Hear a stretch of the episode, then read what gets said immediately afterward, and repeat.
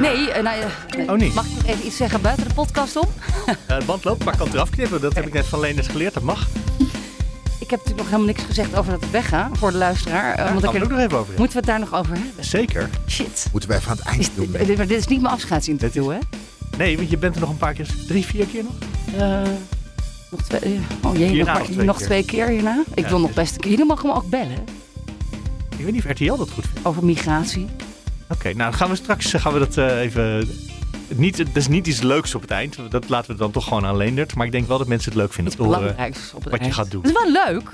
Ja, voor jou is het leuk, maar voor de rest van de wereld... Nou, voor RTL is het ook wel leuk. Heel erg. Voor ons Is niet leuk. is het gewoon stom.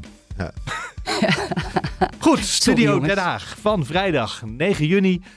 Met eh Sophie van Leeuwen, die is na een paar weken weg geweest, weer even terug. Leenders Beekman. Ik ben Mark Beekhuis. En ehm, vorige week hebben we het uitgebreid gehad over het VVD-congres. Ehm, gisteravond, dat ging natuurlijk over, voor het grootste stuk over asielproblemen. Gisteravond was er in Europa ineens een enorme doorbraak. Nou ja, zo werd het in elk geval gepresenteerd.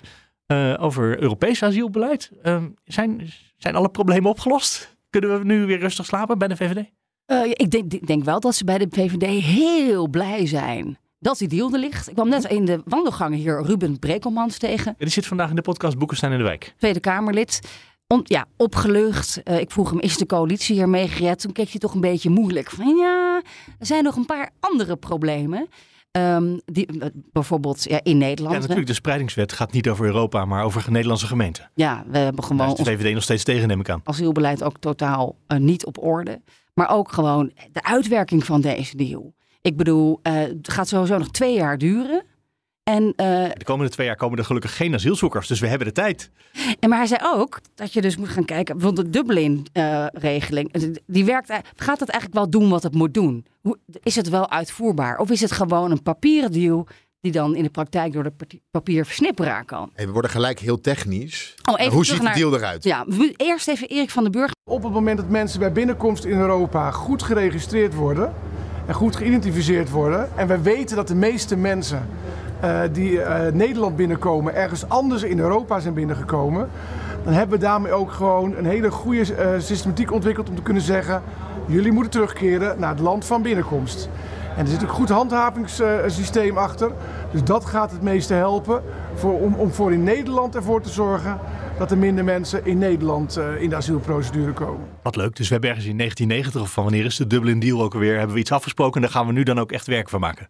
Ja, dat vroeg ik me ook een beetje af. Ah, dat is echt een doorbraak. Hoe dit. gaan we dat dan eigenlijk doen? Want het werkt niet. Maar het goede nieuws is, ook voor de VVD, voor Mark Rutte, voor Erik van den Burg, eh, die misschien wel op vakantie kan, daar gaan we het zo over hebben.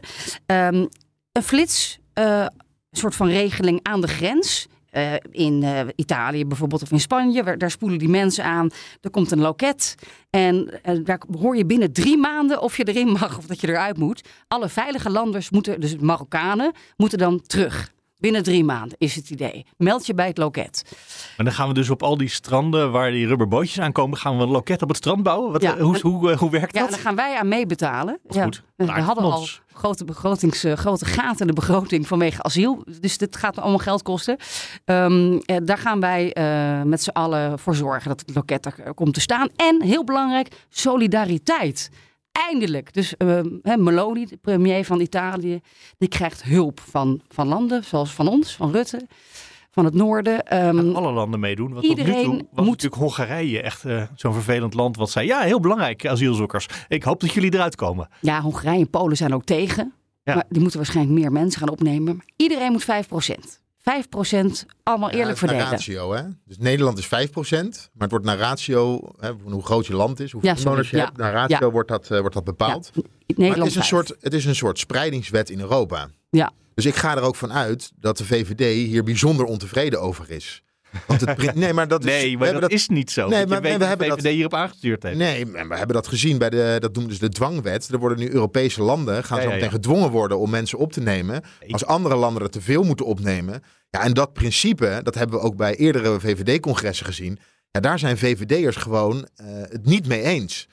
Dus, en we kennen VVD'ers als hele consequente mensen, principiële mensen. Dus Ja? ik, ga er echt, ik ga er echt van uit dat de VVD eh, zich zich gaat verzetten tegen deze Europese spreidingswet. Dat is een goede Net vraag. zoals dat ze, ga ik aan Rutte vragen Ja, natuurlijk. Rutte in de persconferentie. dat, Net net zoals, zeggen dat eh, dat een vraag in de VVD is. Dat hij helaas vandaag als premier staat. Uh, Ja, maar binnen, binnen het kabinet hebben ze hartstikke veel moeite met de spreidingswet. Ja. Hè, dus eh, het komt echt op Ja, maar- precies hetzelfde neer. Ik, Maar- heb Maar- dit- maar ik Leen, ben heel cynisch. Ik heb dit wel Ja, bij de je VVD... zegt het zonder, zonder glimlach, maar je Ja. bedoelt het cynisch, denk ik. Ja, Maar eh, in het kabinet hebben ze wel besloten dat die spreidingswet voorgesteld moet worden. Dus het kabinet als geheel is hier gewoon voor. Ook in Europa, ook Ja. in tussen de gemeenten. Het is regeringsbeleid. Maar ik heb een rekensommetje gemaakt vanochtend. Want wat betekent 5% voor Nederland? Als je er trouwens geen zin in hebt, kun je het ook gewoon afkopen. hè? 20.000 euro per asielzoeker. Dus dan je kunt het ook gewoon betalen. Maar 5%. Ja, als iemand dat geld aan wil nemen van je. Eh, ik begrijp dat er ongeveer de aantallen nu in de EU, of afgelopen jaar, het worden er meer. Hè? Eh, 800.000 mensen kloppen hier aan. Nou, nog geen miljoen. Als je dat eh, door 100 deelt, een keer 5, 5 procent, zit je op 40.000 asielzoekers. Mhm. Nou, op dit moment zijn het er 70.000 dit jaar. Dus die 5% zou nog wel eens positief kunnen uitpakken voor Nederland. Want wij zijn natuurlijk een rijk land. eh, Ja, met we zijn allerlei... relatief eh, aant- aantrekkelijk tot nu toe. Ja, ook eh, hoge uitkeringen, et cetera. Een hoger minimumloon dan in andere landen. Dus er komen relatief veel mensen naar Nederland. Omdat het een fijn land is. Een gaaf land, zou Rutte zeggen. En die, dus die 5%, dat is waarschijnlijk... betekent dat wij dan minder mensen hoeven op te Ja. nemen. ja. En dat is goed nieuws voor de VVD. ja, alleen... Nou, maar ze waren net princi- heel erg principieel, hoorde ik van Leender. Ja. Dus dat, daar, nou, ze dat niet denk ik niet. Ik denk niet, dat, nee, ik denk niet dat ze principieel Nou, zijn. Ik denk dat ze deze rekensom hebben gemaakt. En dat ze denken, nou, dat is mooi. Dit kunnen we verkopen in En de rest die sturen we naar eh, Polen en naar Hongarije. Ik heb Succes, dit, Orbán. Ik heb, ik heb het wel eens bij VVD'ers eh, voor de voeten gegooid. Zo van, ja, maar jullie kunnen toch nooit voor zo'n Europese spreidingswet zijn? En dan werd er ook een beetje, eh, ja, een beetje met, met een glimlach zo van, ja, ja, dat is wel een beetje gek, hè? Kreeg ik dan te horen. Zo Van, ja, dat is inderdaad een beetje gek is het allemaal. En daarbij, we moeten niet vergeten, dit gaat zeker nog anderhalf jaar, twee jaar duren. Ja. Want dit eh, is, moet ook nog eh, door, door Europees het parlement. parlement. heen. Ja. Eh, dus, en het is een papieren werkelijkheid voorlopig. Eens. En als zometeen eh, de, de aankomende twee jaar gewoon in Ter Apel de mensen nog buiten liggen, dan heb je dat probleem voor nu niet opgelost. Dus ik vraag me af of dit nou echt de druk van de ketel haalt. Ja, er is iets veranderd. Er is iets gebeurd. Dit is, eh, we zijn in beweging. Eh, nu kan de VVD weer verder.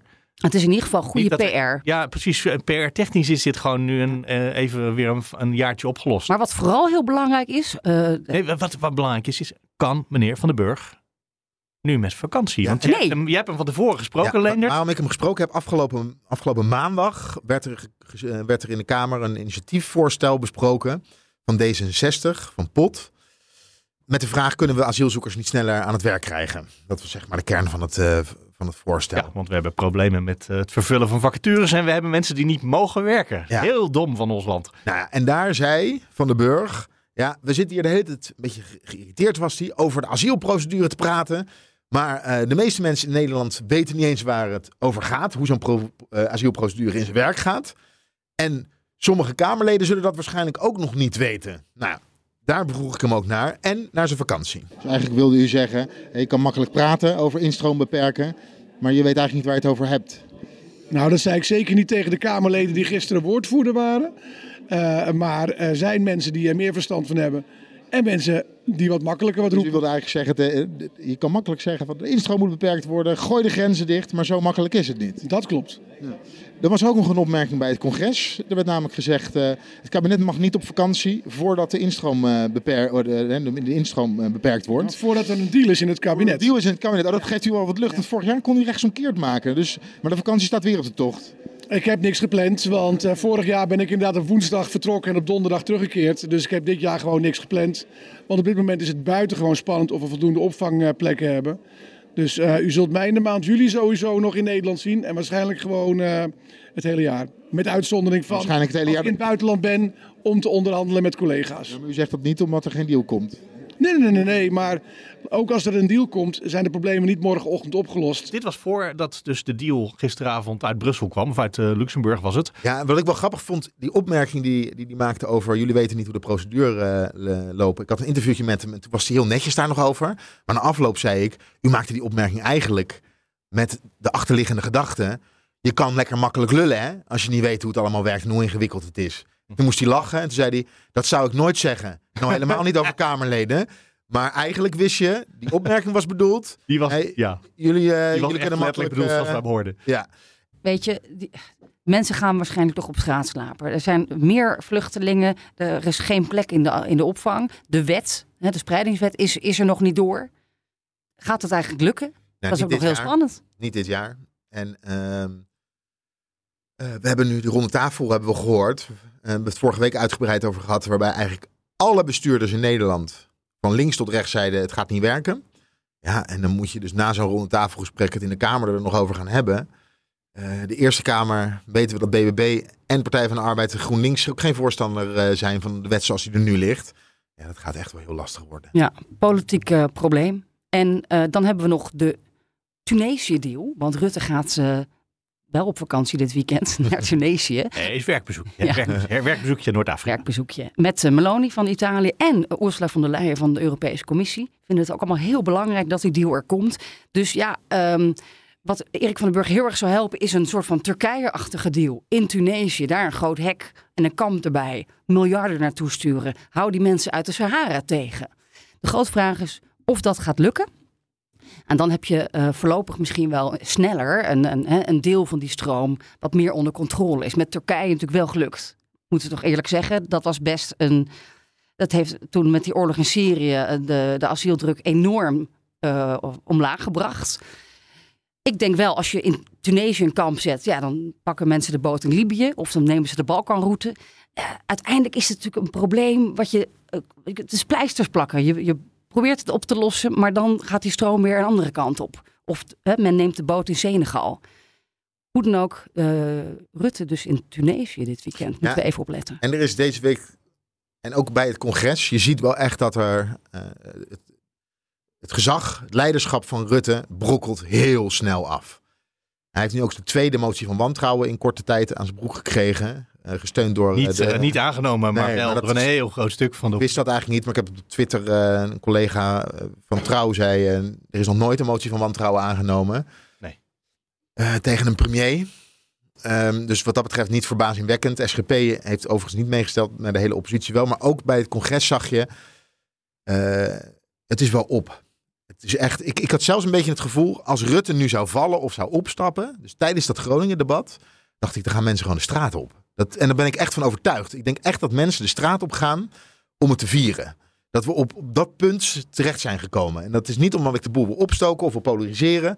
Maar ik denk Jij bent echt, gewoon toe aan een feestje. Nou, maar ik denk echt Dat gaat dat niet gebeuren, Leendert? nou, op het moment dat dat gaat gebeuren, op het moment dat Rutte opstapt, dan, stap, stapt, dan gaat iedereen de straat op. eh, Oh, die zich eh, tijdens aan. corona eh, zich eh, boos heeft. Die zijn nog steeds boos over Ja. alle maatregelen. Dan gaan alle Groningers eh, gaan de straat op. Alle toeslagenouders gaan de, gaan de straat op. Alle boeren hangen de vlaggen, hangen de vlaggen uit. Nou, Maar dat is niet waar. Want de Groningers, die hebben we uitgebreid gesproken deze week in de Tweede Kamer. Hm. Die zeggen allemaal, als Rutte weggaat of het kabinet valt eh, door ons, dan zijn onze problemen nog niet opgelost. En dan gaat het nog langer duren. Ja, hij kan, eh, hij kan het weer recht lullen. Dat, dat, daar is hij altijd heel erg goed in. Maar ja, goed, ik, ben, ik zit hier ook omdat ik heel erg benieuwd ben hoe hij dit gaat recht lullen. Want het is namelijk zo'n krom dossier geworden en het is zo ingewikkeld. Maar goed, ik ben wel geïnteresseerd naar dit eh, mooie theaterstuk. Dus ja, Dat wordt Rutteaans genieten, denk ik. nou ja, we, we gaan nog even lachen inderdaad. Wij doen allemaal wel leuk en vrolijk, want je leert wel leuk en vrolijk doen. Maar iedereen in de bus zit daar wel met een dubbel gevoel. Want we moeten weer naar Den Haag. We moeten weer ons punt gaan maken. En het is maar hopen wat er uit zo'n debat komt. En ik weet niet wat eruit gaat komen. Dus er moet geld bij. Nou, ik denk, ja, geld. Nee, kijk, geld is ook weer zo makkelijk. We kunnen nu ook weer gaan roepen. Ja, die, die, die, die- dat zwakke provinciebestuur. die begint gelijk met allerlei miljarden. Maar dat, dat, is, dat is compleet niet gefundeerd. We moeten het eerst even deur voor deur, straat voor straat, bij de mensen langs. Wat heeft u nodig? En daar komt er vast een bedrag uit. Maar dat, dat is nu nog niet te zeggen. Rutte, rot op. Nou, dat ziet er dan wat minder. Dat staat op mijn bord. Dat, ziet er, dat is net iets wat minder gezellig, hè? Ja, maar moeten wij dan nog heel gezellig doen? We doen het toch al netjes genoeg? We hadden net eventjes, uh, er ligt hier een goede sfeer. Ja. De bord past er niet helemaal bij, voor mijn gevoel. Vind ik wel. Ik denk dat de goede sfeer niks te maken heeft met de inhoud. Ik denk dat iedereen die uit de bus komt stappen hetzelfde idee heeft bij Rutte. En dat hij wel mag gaan omdat hij gewoon keihard gefaald heeft. De Groningers gaan dan niet de straat op. Oké, Sophie. Dat, Nee, dat, eh, maar de boeren gaan de vlag uithangen. Dat eh, weten we zeker. De toeslagenouders gaan een feestje vieren. Dat weten we zeker. Iedereen die boos was over corona. eh, viert feestje mee. Ja, het, het wordt echt een volksfeest als die opstapt. Daar ben ik echt van overtuigd. ja. Maar hij wil, hij wil gewoon door. Hij is pas op de helft, Leendert. Het gaat nog, eh, gaat nog even door, het feest. Is hij pas op de helft? Hij zit er al meer dan tien jaar. Nou, hij wilde toch nog twaalf jaar aan vastplakken? Ja, oké. Ja, dat is waar zijn inderdaad. Dat hij over... Nou, nee, hij zei dat het einde waarschijnlijk wel dichterbij was. Een jaartje geleden zei hij dat. Het einde is waarschijnlijk wel dichterbij dan het begin. Ja, dat zou kunnen. Maar goed, met deze migratiedeal is het toch wel weer een opsteker voor hem. Ik bedoel, hè, je kunt niet ontkennen dat, eh, dat heel veel mensen in Europa, leiders, politieke leiders, erg blij zijn met eh, dit verhaal. Ja, hij dreigde ook vorige week bij dat congres met de VVD met een regeringscrisis. Hè? Dat vond ik interessant hoe hij dat deed. Ik kreeg een vraag over eh, waarom pakt u niet gewoon even door? En eigenlijk zonder dat er de vraag echt aanleiding toe gaf, zei hij ineens... Nee, maar we kunnen natuurlijk ook gewoon de regering opblazen en we kunnen naar huis gaan met z'n allen. We kunnen het opgeven. Eh, als u dat wil, nou, dan moet u dat gewoon vooral met z'n allen hier zeggen. En dan gaan we dat doen. Toen dreigde, dat, ik had wel gedacht dat hij zich nou ja, dat het allemaal ongeveer zou zo lopen. Dat iedereen boos was. Dat hij dan zeggen, we zijn bezig, we zijn ons best. Maar ik had niet gedacht, vorige week toen we hier het over hadden, dat uh, Rutte zou gaan dreigen met de regeringscrisis. Nou ja, wij zijn de grootste partij, wij moeten verantwoordelijkheid. Maar hij zegt ook altijd het tegenovergestelde. Maar we hebben maar 20% van de stemmers gehad.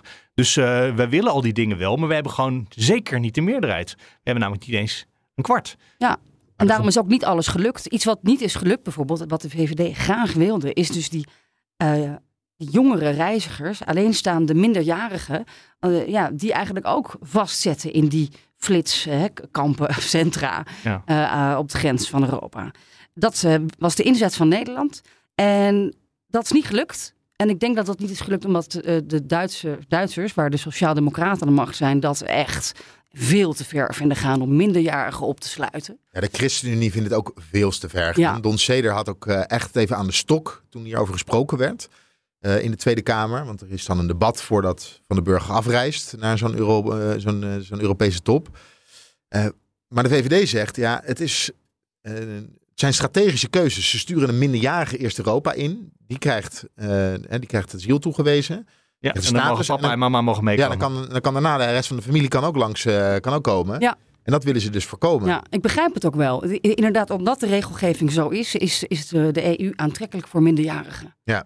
En, en daarmee uh, ja, veroorzaak je ook uh, een massale uitstroom van minderjarigen. Zo, maar Van de Burg, jongen, dat, die zei op een gegeven moment echt in het debat, zei hij tegen, tegen Don Ceder... U moet nu heel goed op uw woorden gaan letten. Dat was echt, uh, hij was echt eventjes... hij praat natuurlijk altijd al hard. En, en de, de, ja, maar dit is ook een directe aanval eigenlijk op de persoon. Ja, hij zei echt van, uh, je moet nu echt op uw woorden gaan letten. Maar wat over bij het VVD-congres over Rutte, wat mij heel erg opviel, is dat als hij nou op vrijdag door ons ondervraagd wordt of door de Tweede Kamer, het lijkt hem allemaal van hem af te glijden. Ja. Het lijkt hem allemaal niets te doen. Maar zijn eigen uh, partij, zijn eigen partijleden, de VVD, dat raakt hem dus wel. En je merkte ook de irritatie. Je merkte dat hij het heel vervelend vond. Want dat is zijn basis. Hij kon altijd rekenen op zijn eigen VVD. Ja, en dat Onvoorwaardelijke steun. En dat heeft hij dus nu niet meer. Nee. En daardoor, hij was getergd. Ik zag ook twee filmpjes uh, dat hij het congres verlaat. Eentje van Roel Maldering van Plakshot. Die vraagt aan hem van... Uh, hoe vindt u zelf dat het, uh, dat het gaat? En dan zegt hij, ja, hoe vindt u dat het gaat? en Roel Maldering zei er ook Een heel slecht antwoord is dat. Ja, hij kan niet eens meer op de normaalste vraag een antwoord geven. En waarop Rutte zei, Rutte was, ja, ik, ik, ik, geef niet op voetbal, ik ben geen voetballer, ik geef niet op dat soort vragen antwoord. Maar er was ook, en er is een van een links platform uh, online, die stellen allemaal vervelende vragen. Lijkt een linkse versie van, van Geen Stijl. slecht interview, maar de irritatie bij Rutte, echt, het, het droopt er vanaf. Echt, het congres, daar ging hij weg met toch wel met uh, teleurgesteld. Ik denk dat het echt een, uh, dat hem veel gedaan heeft, het VVD-congres. Ja, en je zegt in, het, in de Kamer, dat interesseerde me allemaal niet zo, maar ik vond dat hij bij het Groningen-debat, dat hij ook heel erg geïrriteerd leek in elk geval. En dat merk je aan heel veel dingen. Ik heb een heleboel quotejes uit het debat meegenomen. Die ga ik maar gewoon even met jullie doornemen. Maar sowieso mijn, mijn gedachte aan het eind van de dag is... hij zit er niet, de premier zit er niet nog... omdat hij dit debat nou per se zo goed deed. Uh, of dat iemand vertrouwen in hem heeft. Hij heeft natuurlijk een motie van wantrouwen over zich heen gekregen. Maar het is niet zo dat de coalitie hem steunde omdat ze zo dachten: ja, dit is echt onze premier voor de toekomst. Dat, dat, dat, dat, het was meer dat D66 gewoon niet meedeed aan het debat. Die heeft niet echt een kritische vraag gesteld. CDA stelde ze wel in de eerste termijn, maar niet meer in de tweede. Uh, bedoel, op die manier, de VVD was ook vooral bezig met, uh, de sfeer goed te houden eigenlijk.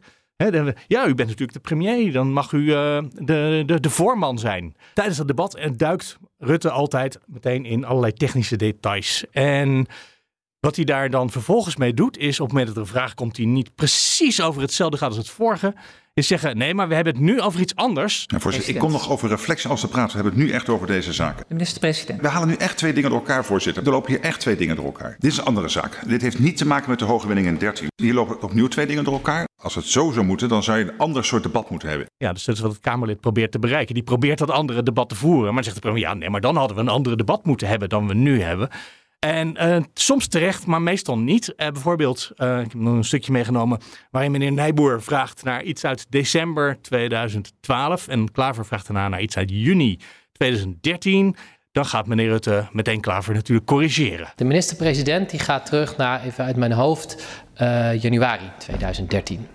Waar wij over spreken is juni 2013. Toch even, mijn antwoord aan de heer Nijboer gaat over eind 2012. Niet over juni 2013. Eh waar de heer Klaver het over heeft is juni 2013. Klaver vraagt naar iets uit juni 2013. Dat is niet, daar hoeft hij niet op gecorrigeerd te worden. Dat is precies wat hij, wat hij wil en wat hij doet. Maar dan in het echte debat zit er 20 seconden tussen, valt het net iets minder op. Maar eigenlijk doet Rutte hier gewoon iets heel vals. Die gaat gewoon eh, een zijpad in. Die hij gaat altijd. aan de slag. Ja, dat weet ik wel. Maar Ja. ik dacht, ik ga het in dit debat deed hij dit zo vaak. En dat is ook de reden waarom hij er zit. Omdat hij op deze manier zo'n debat overleeft.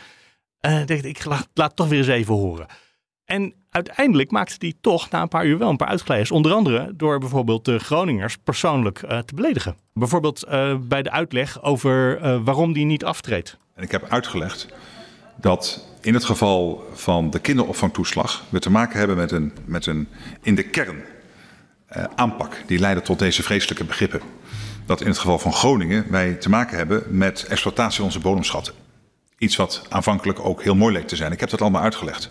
Maar waarvan uiteindelijk de dramatische nevenschade, nevenschade, dat vind ik een verschil met de kinderopvangtoeslag. Dat is mijn opvatting, ik zei het al. Zo kijk ik ernaar. En ik zie mevrouw Beckerman kijken met zo'n blik van waar haalt hij het vandaan? Dus we zijn het daar niet over eens. Maar ik geef u mijn antwoord, dat vind ik. Mevrouw Beckerman. Ik ben geen nevenschade. Wij zijn geen nevenschade. En dat is wat de premier zegt. Die winst die onder onze voeten zat, dat was de kern. En alles wat daarbij gebeurde was nevenschade. Voorzitter, dit raakt wel heel sterk. En je hoort een snik bijna in de stem, maar dat is niet het overslaan, het is boosheid. Nou, Beckerman die heeft wel honderd keer gehuild deze week. Nee, maar ze heeft niet gehuild. Dat je ziet op beeld, zie je dat ze boos is. Maar het is niet huilen. Het klinkt alleen bijna zo. Maar dit was natuurlijk heel onhandig om Groningers nevenschade te noemen. Bovendien, als je zegt, ja, bij de kindertoeslagaffaire... Dat ging eigenlijk ook om iets heel goeds. Want we hebben namelijk alle ouders die naar de kinderopvang willen... hebben we geprobeerd om een toeslag te geven. Ook nevenschade. De ja, en de controle daarop is echt uit de hand gelopen. En dat zou je nevenschade kunnen noemen. Nou, dat weet ik niet. Maar dus ik kan deze redenering kan je ook andersom houden. En dan zou die misschien wel weg hebben moeten gaan. Ja, nee, dat is een heel pijnlijke eh, uitspraak. Maar eh, ja, ja, hij, heeft val- nodig valt hij er niet over. om Maar onderscheid te maken, toch? Tussen waarom een kabinet wel aftreedt, Ja. om de toeslagen, Zeker. schandaal, en niet bij Groningen. hij was niet van plan weg te gaan. En dus had hij een verschil nodig. En eh, dus moesten de Groningers ineens nevenschade Ja, en hoe werd daar op de eh, publieke tribune op gereageerd? Jij zat daar toen, denk ik, hè? Dit was zo'n momentje waarop een oh door de zaal ging. Ja. Ook al, nou ja, de, de, niet anders dan eh, mevrouw Beckerman Ja. eh, reageert. Heel veel zuchtende mensen Ja, gezien. wat ik zei van het, Ja. het, eh, het raakt Rutte niet. Niet zoals het VVD-congres. En daar ben ik het eigenlijk nog steeds mee eens. Als Zeker. je kijkt hoe hij zich door dat debat heen heeft geworsteld. En dat, dat, hele, dat hele deel over 2013 is heel interessant. Het gaat over een winningsbesluit. Hè? Eigenlijk, eh Ja. Gasterra laat weten in 2013... Hey, we kunnen eigenlijk omlaag met, Ja, met de 2012 winning. aardbeving geweest. 2013 hebben ze bij Gasterra door dat er een probleem zou kunnen zijn. Ja, En het ministerie van Economische Zaken nog niet. Nee, en dan is zijn verweer, ja, maar we wisten dat eigenlijk ook niet. Want dat is bij het ministerie neergelegd, maar dat is niet bij de politieke top terechtgekomen. Dat gelooft eigenlijk niemand in de Kamer. Maar het is ook En Rutte relevant. houdt eraan vast. En We hebben ministeriële verantwoordelijkheid, dus het is echt onbelangrijk. dat ook. Maar we En- geloven het ook niet, nee. Nee, we geloven het ook niet. Maar buiten dat, Velbrief was na Rutte. Velbrief probeert wel eh, verantwoordelijkheid te nemen voor goed eh, beleid. En doet dat ook. En zegt ook dat er fouten zijn gemaakt. En probeert er niet, niet, probeert niet weg te komen met een ja maar. Of ik lag eens ergens in een politiek eh, of in, een commentaar in een van de kranten. Dat hij nu, Rutte heeft iets nieuws bedacht. Eerst had hij geen actieve herinnering ergens aan. Eh, en nu is er eh, geen actief besluit in het verleden genomen. Zo beschreven ze dat. En zo probeerde die weer weg te komen met van... ja, dat is wel zo gegaan, maar eigenlijk wisten we het niet. Dus je kan het ons ook niet kwalijk nemen. En hij probeert zich met allemaal trucjes... probeert hij zich toch de verantwoordelijkheid Ja. niet op Het zich gaat te heel nemen. vaak over met de kennis van toen. Hè? Ja, met de kennis van nu toen en met de kennis van nu. van en, toen. eh, en het, het contrast tussen vuilbrief en Rutte was zo groot. Eh, ja, het is echt eh, minachting van de Kamer, vond ik het, wat Rutte aan het doen was. Vond ik Ja. echt. Ja. Overigens, dat met de kennis van toen was ook een, iets wat een aantal keren voor de voeten werd geworpen. Zei hij. Maar met de kennis van toen had u ook moeten zeggen: we stoppen met de winning van uh, Groningsgas. Ja, maar goed, weet je, uh, toch maar even, uh, al, uh, even het verhaal van de kant van, van het kabinet van toen. Ja. We zaten natuurlijk in die gigantische economische situatie, financiële crisis, bezuinigen, bezuinigen, bezuinigen. Het ging slecht met de economie. Hè? In, in, Europa waren, stonden landen op omvallen. Dus uh, ja, dat, dat, financiële argument was gewoon ook heel belangrijk toen. Het woog ontzettend zwaar. Ook de PvdA-minister van Financiën, Dijsselbloem, heeft daar een aantal dingen over gezegd in de parlementaire enquête. Dus met de kennis van toen, ja, was het ook misschien voor politici niet echt een optie om minder gas dat moet eigenlijk ook nog wel even. Dus, uh, moeten we de aantekening gewoon maken niet over nagedacht. dat er ook geen kennis nu was. Want Rutte werd verrast. En in het debat dacht hij, het zou gaan over 2018. Dat ik, dat, daar Ja. is het ook over gegaan. Op woensdag eh, gingen ook alle vragen over Ja. in 2017. Bent u geconfronteerd met mensen uit Groningen in 2018? Ja. Eh, dan zei u ineens, oh, maar nu snap ik het. Terwijl u toch tenminste een jaar eerder. En Ja. eigenlijk al een veel eerder. Ja, en ehm, Henk Nijboer en Jesse Klaver, die hadden zeg maar nog een troef in handen. PvdA GroenLinks. ja. PvdA GroenLinks, een troef in handen. En zij begonnen eigenlijk niet waar, het, C- waar ChristenUnie nog begon over 2018. Hè, hoe kon hij het nu eigenlijk toen pas doorhebben? Begonnen zij over dat winningsbesluit in 2013. Dat had Ga je Rutte... even van geschiedvervalsing eh, beschuldigen nu? Waarom? Het was eh Bikker die ineens zei... Was Bikker? Oké. Het was, het was Oh, Bikker van de. ChristenUnie die, die ineens zei... Eigenlijk vind ik 2013 nog wel belangrijk Oh, was het dan wel Bikker? 2018. Oké, nou hij werd, hij werd in ieder geval verrast door, ehm doordat 2013 eens te hoog goed kwam. Ja. Hij wist niet, hij moest geschorst worden. Hij wist eigenlijk helemaal niet waar het over ging. Ja. Dat moest, dat moest uitgezocht worden. En in die schorsing liep ik naar de publieke tribune. Ging ik even naar jou toe, want eh, ik zat... eh, Het was helemaal vol en ik was toevallig eerder dan jij daar. En mocht jij er niet Ja, bij. nee. Ja. En Henk Nijboer kwam ik in de gang tegen. Die kwam naar de publieke tribune gerend vanuit de plenaire zaal. Die liep iemand tegen het lijf die ik niet kende, maar hij overduidelijk wel. En ze- wat gebeurt hier? Wat gebeurt Nijboer ook, ja, ik weet het ook niet, maar ja, dat was echt eh Spannend. verwarring alom. Dat was wel spannend, ja. Eh, hij staat gewoon te liegen, hoorde ik nog mensen op de gang roepen. Eh, ja, dat was wel een eh, spannend moment even in de Tweede Kamer. Eh, ja, dat was het eerste moment dat er iets gebeurde. Eh, er werd iets gevraagd waar Rutte duidelijk niet op voorbereid was. De vraag van eh, Jesse Klaver was uiteindelijk... Is er nou vanuit de Gasterra een verzoek naar het ministerie gegaan? Mogen wij eh, zoveel blijven winnen als we van plan waren? Of moet het misschien minder? Waarop het ministerie geantwoord heeft, ga maar lekker door, want we hebben dat plan van tien jaar. Eh, en toen is dat kennelijk buiten allemaal gegaan. En dat is waarschijnlijk, of misschien niet op het hoogste niveau bereikt, dat weet ik niet. Dan gaat natuurlijk Mark Rutte zeggen, nou ja, ik ben premier, ik ben sowieso geen ministerie, minister van Economische Zaken, dus ik ben niet op dat ministerie geweest. En we hebben Henk Kamp in, het, eh, in zijn verhoor gehoord, als minister die dat wel was, eh, dat hij niet meer herinnert dat dat met hem besproken is. Er zijn andere mensen die zeggen, het is wel aan hem voorgelegd. En dan zegt Klaver, het gaat om de politieke cultuur toen. Ja. Hè, de politieke cultuur was gewoon gas boven Groningers. En dat is, daar heeft hij natuurlijk ook gewoon gelijk in. Dit kon plaatsvinden Ja. door de politieke cultuur. En die politieke cultuur die besto- bestond en bestaat nog steeds onder de kabinetten Rutte. Maar eh, ik heb ook tegen mensen gezegd op de publieke tribune, een, stel uit Groningen. Wij als, eh, als media, eh, ik kan me dat nog wel herinneren, die periode hebben we dat ook best wel een beetje laten liggen. Groningen hè, vonden we ver weg. Weer een aardbeving. Ja, zullen we dat meenemen in het nieuws? Het is, is het eigenlijk wel nieuws? Want ja, er zijn voortdurend aardbevingen en die zijn eigenlijk ook best wel zwak. Of ja, een paar scheuren in je huis. Daar smeer je iets op. De media hebben het natuurlijk ook een beetje. Hè, en de, deel van de Tweede Kamer laten gebeuren. Dus eh, Dat is natuurlijk sowieso. Deze premier reageert op eh, ophef in de media. Dus als de media het laat liggen, Wat misschien gemiddeld gesproken wel zo is. Ik heb je wel eens eerder verteld dat ik daar nog wel strijd gevoerd heb met onze eindredacteur hier, die dat gewoon Groningen inderdaad ver weg vond. Ja. En dan zei ik, nou maar, daar gaan mensen vandaag met fakkels de straat op. Eh, dit is vast, Ja. Er is vast iets aan de hand. Eh, ja, ja, ja, maar het is toch niet helemaal. En onze FM-zender is daar ook niet zo sterk. Weet je, dat soort argumenten. Dus, eh, maar goed, dat is alleen Ja. BNR. De rest van de media had ook mee kunnen doen. Ja, Ehm, Dus- dus maar ook deze daar. premier die reageert op ophef en eh, maatschappelijke druk. ja, ja, en die is er ook onvoldoende, denk ik, geweest.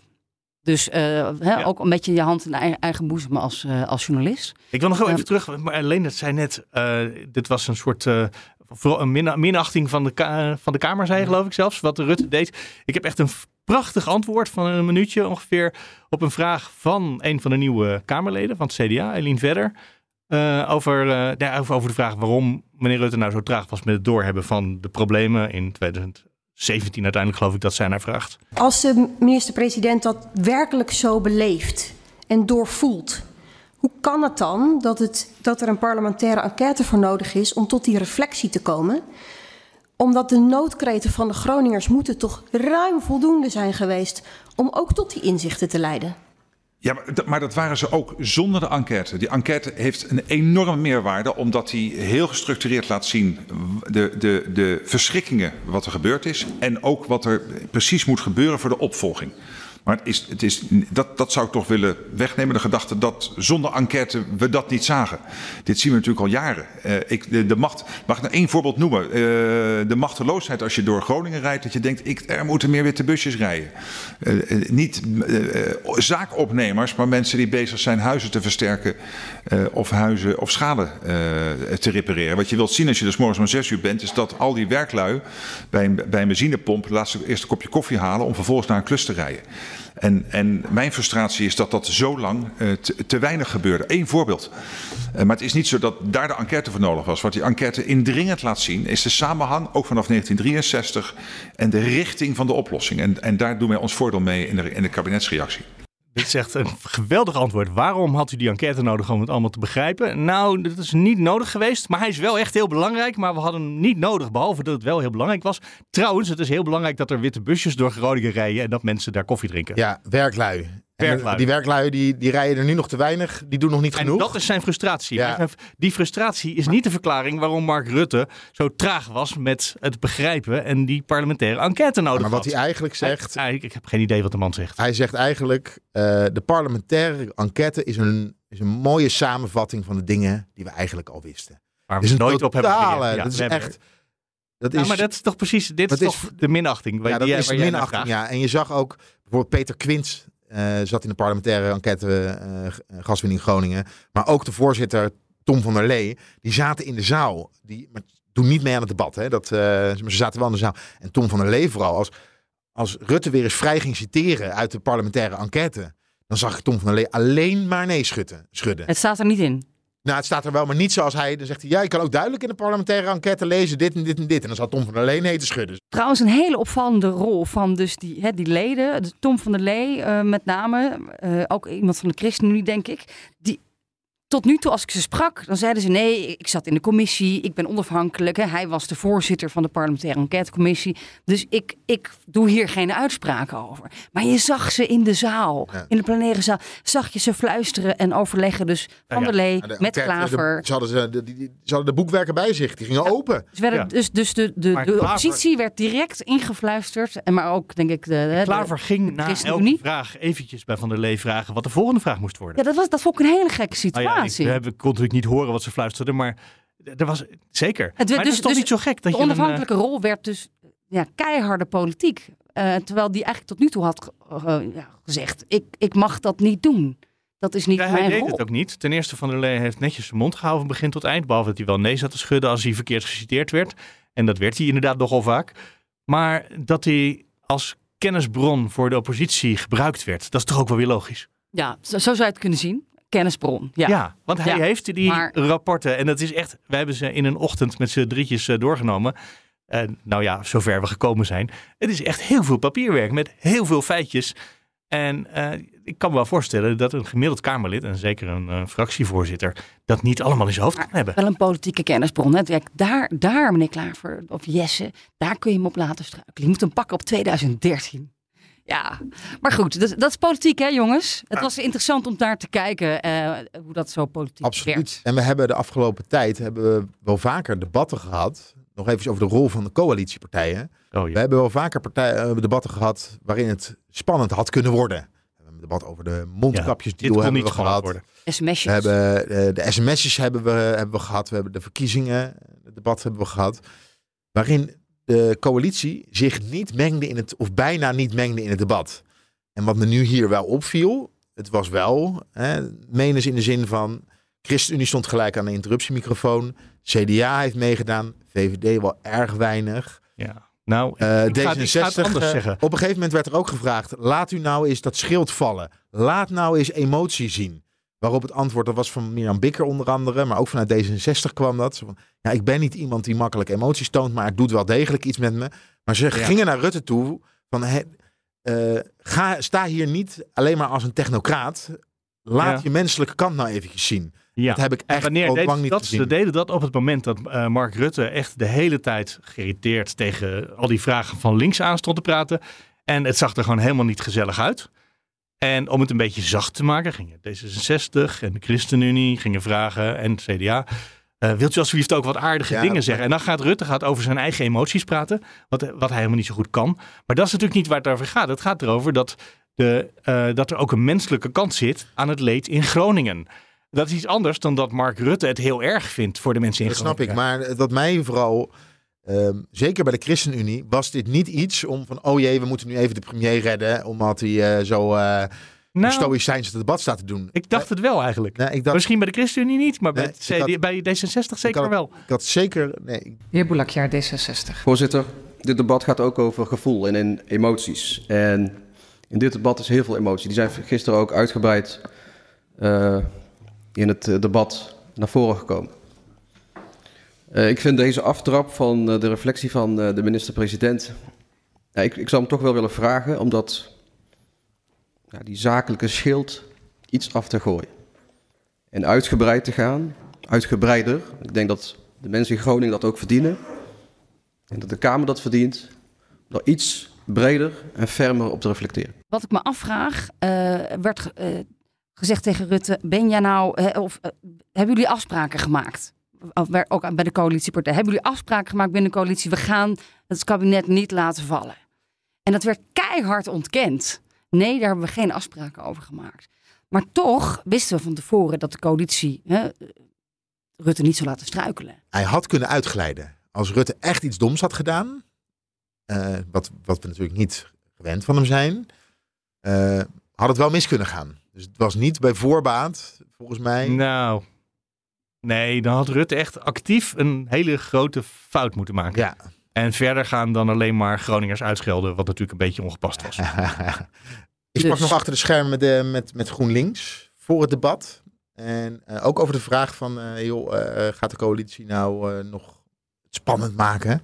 Zeiden ze, ja, we vinden het jammer dat bij het CDA Agnes Mulder vertrokken is. Agnes Mulder was altijd ontzettend pijl in het debat. Zij had ook eerder, toen de Kamer debatteerde met de enquêtecommissie over de parlementaire enquête, zei ze ook, ik voel me in de maling genomen. Dat ging Ja. onder andere over dat jaar 2013, waarin een jaar lang de Kamer gevraagd heeft, kan het niet wat minder? Ja. Die voelt zich in de maling genomen. En dat was ze ook. Ja, dat was ze ook. Maar er zit nu een nieuwe trend. Verder er zit... eh, Ja, die heeft een soort eh, de charme van Caroline van der Plas, een beetje hoorde ik van sommige mensen ja, zeggen. ook, ze is een boer. Ah, Eh, ze is een vandaar. boer. Eh, de charme van eh, Caroline van der Plas. En dit was haar eerste debat in de plenaire zaal. En het Groningen dossier is zelfs een van eh, de dingen die ik heb aangegeven van als ik naar Den Haag kom, dan wil ik dit, dit dossier heel graag van Agnes kunnen overnemen, van Agnes Mulder. Ook een Drent, net als ik. Ik voel me daar heel betrokken bij. Daar ben ik, was ik als staatslid en dat ben ik nu nog steeds. Ehm, dus eh, nee, dit is een belangrijk moment en daar, en daar ga ik gewoon vol voor. Normaal gesproken, als je de medespeech houdt in de Tweede Kamer, Ja. dan word je niet geïnterrupeerd. Kortom, je kan even lekker kletsen zonder dat iemand je lastig valt. Dat is wel lekker. Ja, maar dat gaan we vandaag niet doen. Waarom niet? Dan kan je alles zeggen. Nee, nee, nee. Dat verdienen, de verdienen, Groningers verdienen meer dan dat. Eh, dus ik, ik doe afstand van het eh, niet interruperen. eh, en we gaan ook niet schorsen met felicitaties en zo. Daar leent het onderwerp zich totaal niet voor. En ik vind het ook eerlijk gezegd helemaal niet belangrijk. Want het gaat mij om de inhoud. Daarom ben ik hier. Eh, anders had ik nog wel in, in, in het mooie Drenthe gestaan en niet in Den Haag. Dus het gaat mij om de inhoud en daar ga ik vandaag voor. Eh, Agnes Mulder woonde door de week in Den Haag. Doet u dat ook? Ja, ik zal wel moeten. Het is, het is, het is gewoon veel te ver om heen en weer te rijden. Ja, dus gelijk minder achtergesteld, lekkere restaurants, eh, genieten van het leven in, eh, in een welvarende randstad. Ja, en geen aardappelen, groente, fruit meer die ik eh, lekker zelf heb. En eten met mijn kinderen en eh, ze s'avonds naar bed brengen. Nee, als ik, als ik de keuze had gehad, had ik, was ik elke dag terug naar het mooie Drenthe gegaan. Dat is echt nul twijfel over. Maar het Oh, is dus zo slecht gaat het allemaal niet in Drenthe. Het is Het liefst het is snel mogelijk terug. in- het is fantastisch in Drenthe en, eh, en in een heleboel gebieden van Nederland. Ja, maar bevalt het nog in de Tweede Kamer? Want het is toch een enorme drukte waarin je ineens terecht komt. Iedereen wil iets van je. Ja, ja.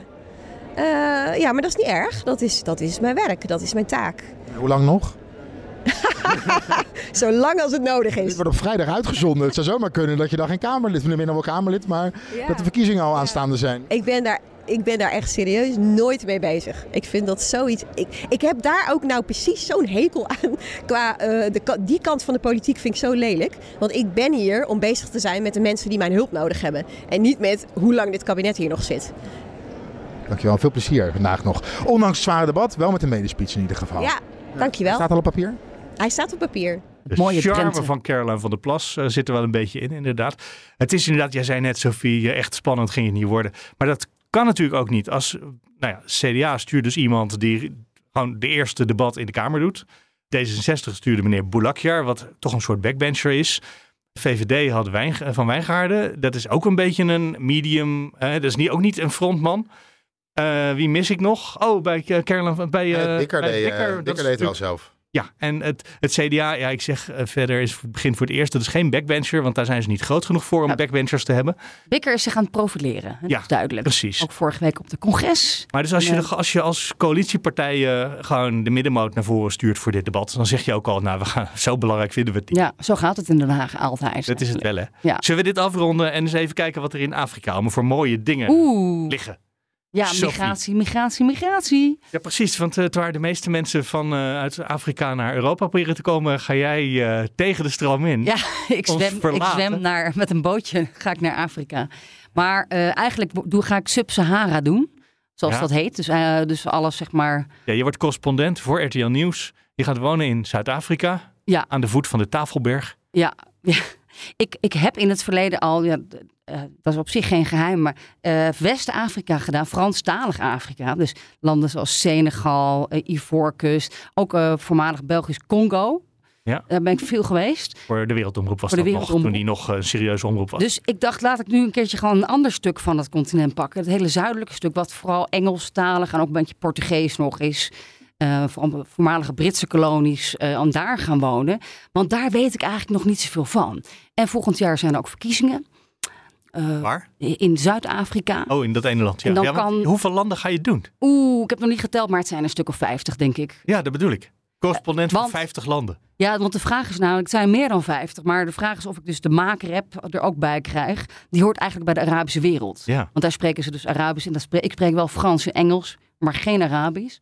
Dus uh, of ik Marokko en Tunesië erbij pak, daar moeten we nog dan even over hebben. Dan heb je het hele continent bijna op Egypte na. Ja, maar dat hoort dus formeel bij de Midden-Oosten-correspondent. Ja. Um, dus ja, uh, ik vind dit wel het moment uh, om daar naartoe te gaan. Maar dan word je correspondent voor een miljard mensen zo'n beetje. Ja, en het worden er 4 miljard deze eeuw. Dus dit, dat continent is enorm aan het groeien. Dat, wordt eigenlijk, dat gaat gewoon verder dan China en India. Het is een heel erg jong continent. Ook met hele leuke dingen die daar gebeuren. Ook op het gebied van technologie, uh, uh, groene energie. Bijvoorbeeld, uh, nou neem Namibië bijvoorbeeld. Gaat, het ligt binnenkort vol met zonnepanelen. Allemaal groene waterstof, ook voor ons in Europa. Je hebt natuurlijk enorme migratiestromen. Waar je best wel van schrikt. Als je daar je een beetje op inleest. Mm. Volgens... Maar de technologie inderdaad, dat vind, ik, dat vind ik zo leuk. Dat bijvoorbeeld wij waren bijvoorbeeld heel blij met Tikkie hier in Nederland. Toen de ABN AMRO dat bedacht had. Ja. Maar mobiel betalen komt gewoon als, uit, als een uitvinding uit Afrika. Je hebt daar dat is jaren eerder dan wij hier. De wet van de remmende voorsprong. Hè? Ja, er is daar natuurlijk ook bijna geen, heel weinig infrastructuur. Dus heel veel dingen gebeuren daar eerder dan hier. Daar kunnen wij ook iets van leren. Dus, en er zijn heel veel jonge mensen die, en een staat die niet functioneert, die gewoon de hele tijd oplossingen moeten bedenken. Wat mij zo moeilijk lijkt aan correspondent in Afrika zijn, Ik bedoel, Den Haag, dat willen we allemaal weten. Nou, niet heel Nederland vindt de politiek interessant, maar best veel mensen willen gewoon weten wat er speelt in Den Haag. Want het gaat namelijk over mijn belastingen of over hier wel of geen ziekenhuizen staan. Maar of ze eh, nou wel of niet een, eh, een hongersnood hebben in Eritrea deze zomer. Nou, dat is onmenselijk om te zeggen dat het me niet interesseert, maar het is toch wel een beetje waar. Ja. Nou, ik, ik ga dus daar verandering in brengen. En kijk naar die EU-deal uh, in, uit Luxemburg. En, en lees wat VN-rapporten, wat klimaatrapporten over uh, wat de komende tien, tien jaar wat daar gaat gebeuren. Er wordt voorspeld dat honderden miljoenen mensen in Afrika op drift gaan raken. Ja. Voor een deel intern. Door dus klimaat, het... door oorlogen. Ja, dus uh, die ook voor ziektes, uh, watertekorten, ja. nou ja, allerlei oorzaken die daarmee samenhangen. En um, dan heb je nog niet eens over hè, Wagner, inderdaad. Uh, nee, oh ja, de geopolitieke dingen. Die er gebeurt heel veel geopolitiek, heel interessant. Dus die mensen gaan deel binnen Afrika verhuizen. Voor een deel naar Zuid-Afrika bijvoorbeeld, waar het iets koeler is. En natuurlijk naar Europa. En dat gaat om zulke grote groepen mensen. Dat Europa zich wel ernstig zorgen uh, moet maken. Dat doen ze ook. Hè. Daarom wordt er in Tunesië gesproken dit weekend uh, over een deal. Uh, er ja, moet als komen in Afrika. van 4 miljard mensen deze kant op komen, dat gaat meteen om miljoenen mensen. Dat gaat om honderden ja, miljoen honderden mensen. miljoenen mensen, ja. Hè, potentieel, dat is maar dus nu de verwachting. Europa is maar een paar honderd miljoen mensen. Wij sterven natuurlijk uit. Hè? Dus je, kunt, dus je Oh, moet ja. ook op een andere manier misschien naar hè, arbeidsmigratie gaan kijken. Ook daar nieuws? wordt in de coalitie over gesproken. Dus ik denk dat mensen eigenlijk in, hier in Europa steeds meer naar Afrika gaan kijken. Al was het maar omdat ze doodbang zijn dat heel Afrika hier naartoe komt. Wat voor een deel wel een reële angst is. Hè? Niet om je nu bang te maken, maar je moet gaan nadenken hoe je ook bijvoorbeeld met technologie hier, neem de zaden, eh, de technologie eh, Wageningen, eh, gaat meedenken over hoe je in droge gebieden wel degelijk crops, landbouw kunt doen. Ja. je hebt goede, slimme ideeën nodig om de watertekorten op te lossen. Zonnepanelen leggen in de Sahara. Hè, daar kun je ontzettend, daar kun je de hele wereld van stroom mee voorzien. Dus het gaat over problemen, het gaat over oplossingen die ons direct raken, denk ik. Ehm, dus ik heb besloten dat ik dat gewoon een Ja. paar jaar ga doen. En je gaat er met mannen en kinderen wonen. En al die- heel binnenkort. Ja, over een paar weken al. Hè. Nou, ik moet deze zomer ook nog even eh, mijn televisieskills eh eh, ultiem goed krijgen. Ik heb, ik heb Ja. ze wel, maar is al een tijdje geleden. Dus eh, ik ga nog even inwerken hier.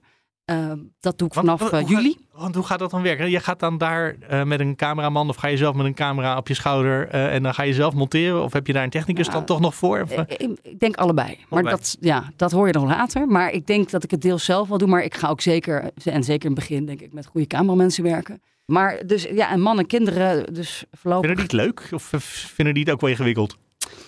De een vindt het fantastisch en de andere vindt het verschrikkelijk. Oh ja, Dus ja, dat is het voordeel van twee kinderen. dus, eh, coalitie-oppositie hebben we thuis. Dat is drie tegen één, dus we gaan, we gaan, Dus we gaan toch. Maar ja, ik voel me daar wel soms een beetje schuldig over. Maar ja, weet je, het is Ja. ook een enorme kans ook om heel goed Engels te leren, bijvoorbeeld. Daar, op een Ja. hele leuke internationale school, bijvoorbeeld. Ja, maar uitzicht op de Tafelberg, weet je, ik doe... Die kan je heel goed beklimmen. dus dat hebben we hier eh, niet in Amsterdam of in Den Haag. Nee, hier heb je de klimhal. Net niet hetzelfde. En het hele jaar zomer. Dus eh Nou, acht, negen nou, maanden zomer. Het kan nu, want jij bent net geweest. Het kan fris zijn hoor. Ja, nou ja, 17 graden Ja. in de winter. En dan ga ik gewoon, eh, kom ik gewoon bij jullie weer op bezoek. Als het eh, winter is in Afrika. welkom. Winter in Afrika. nee, en ik, ik heb ook jaren geprobeerd om wat meer Afrika erdoor te duwen in Den Haag. Maar het leeft gewoon ook niet heel erg. Nee. Was, ik vond het heel moeilijk om Kamerleden te vinden die daar iets vanaf wisten. Zelfs Kati Piri had ze nog niet op een rij. Hè? De PvdA-Kamerlid, voormalig Europarlementariër. Eh, je probeert wel eens, of ja, Jasper van Dijk misschien een beetje, van de SP, die er al lang zit. Die wel we- iets weet over wat er bijvoorbeeld in Mali gebeurt. Hoe de Fransen daar eigenlijk worden weggestuurd eh, door nieuwe regimes, gesteund door Rusland. En eh, zijn voormalige kolonie het recht kwijt te raken. Grondstoffen. Ja, uranium. ja.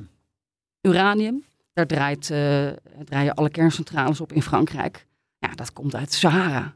Als je daar de controle verliest, dan heb je een energieprobleem In Frankrijk in elk geval. in Frankrijk. Ja, en dan leveren wij de stroom vanaf hier. Batterijen, energietransitie, Rob Jetten, Congo. En Zuid-Afrika. Ja, en Nederland heeft de boot volledig gemist. Maar we hebben een nieuwe Afrika-strategie. Hoe bedoel je, Dus, Nederland heeft de eh, boot Het komt, eh, gaat helemaal goed komen volgens het kabinet. En waarom heeft Nederland de boot gemist? Nou, Afrika werd altijd gezien als het continent van de zielige, hongerige kinderen. Ja. Op televisie, weet je nog? Ethiopië. Ja, dat is wat ik net ook zei. Eritrea, wat eh, is daar hongersnood deze zomer? Ik weet het eigenlijk niet. Maar wat veel mensen in de, Den Haag, merk ik, zich niet realiseren... is dat het feitelijk het rijkste continent op aarde is. Qua grondstoffen Ja. Die we nodig hebben. Maar ja, die heeft China nu allemaal op, bijna allemaal opgekocht. Ja. Dus dat is een beetje laat. En Joe Biden in Amerika probeert nog te redden wat er te redden valt. Maar is eigenlijk ook te laat. Dus het is de, de strijd om de grondstoffen. Het is heel erg geopolitiek. Nou, dat moeten jullie gewoon in de gaten houden. Maar jullie mogen me bellen. En hoe vaak zien we je op RTL Nieuws? Als we je even missen en we denken, we hadden eigenlijk wel een podcastje willen opmaken, eh, opnemen deze dag. Nou, ik mag hopen toch wel eh, regelmatig. Je hebt natuurlijk ook RTL Z. eh, en, en dan ja, een paar keer per maand een leuke reportage. Ik, zo vaak mogelijk.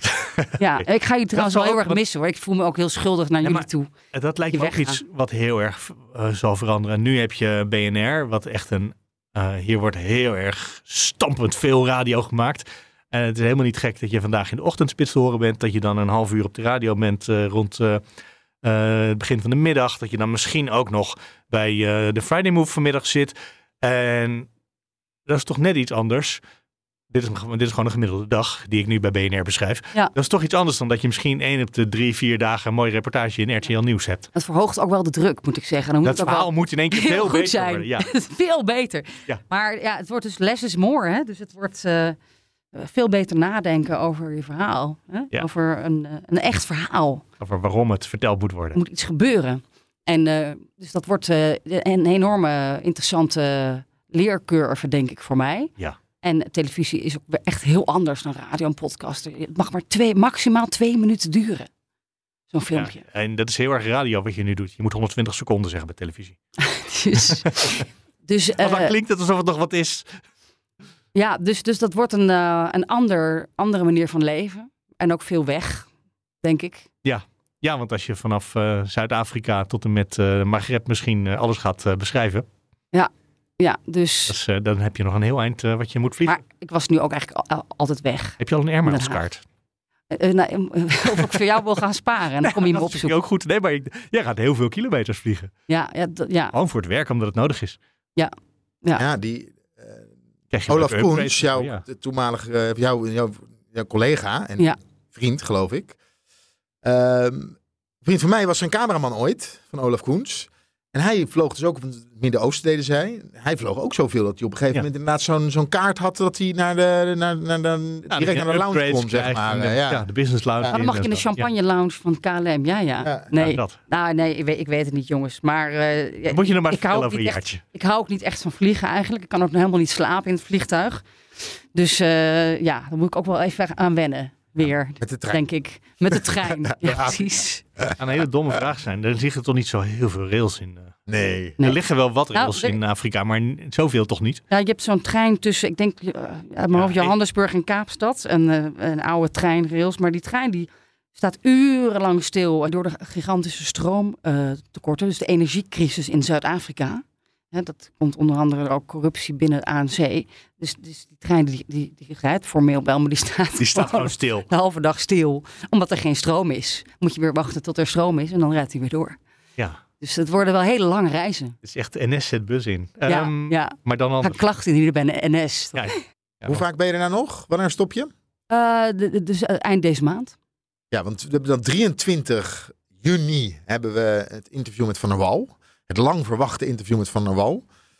En een week daarna gaan we dan lekker het afscheidsinterview met Sofie van Ja, Leeuwen. dat zijn we nu toch aan het doen. Dat was Nee, nu al een nee, beetje. Ja, nee, we gaan het ook nog even goed doen. We gaan het ook nog even goed Oh god, een terugblik op die bijzondere jaren in Den Haag. Ja. Dat waren het zeker. Ja. Dat zijn het nog.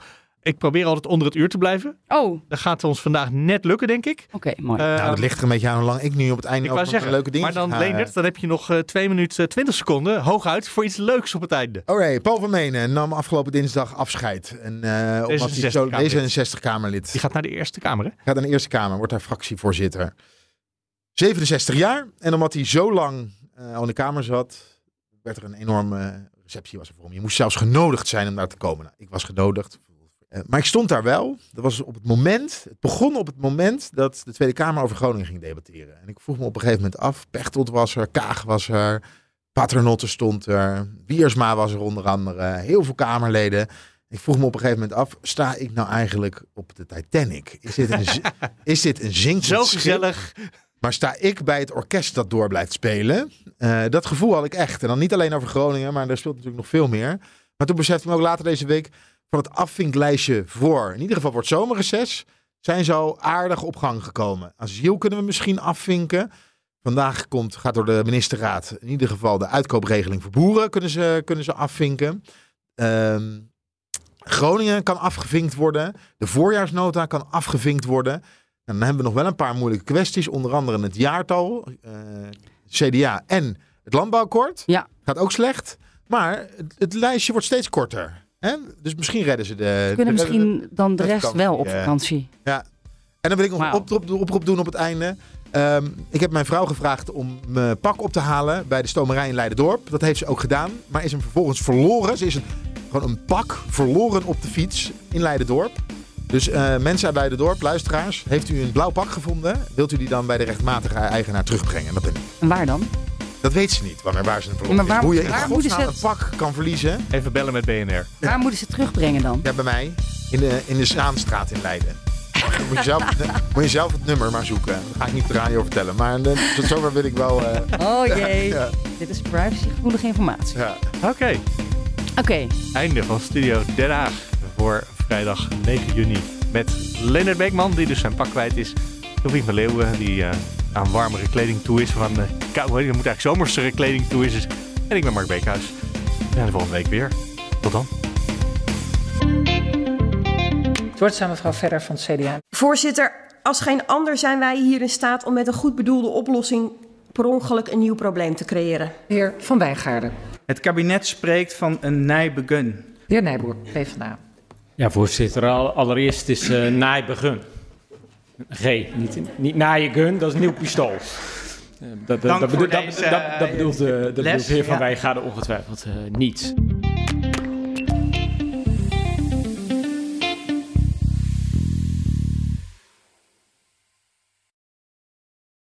Ook Harm Edens vind je in de BNR-app. Je kunt BNR Duurzaam niet alleen live luisteren in de app, maar ook terugluisteren als podcast, zoals al onze podcasts. En naast dat de BNR-app Breaking News meldt, houden we je ook op de hoogte van het laatste zakelijke nieuws. Download nu de gratis BNR-app en blijf scherp.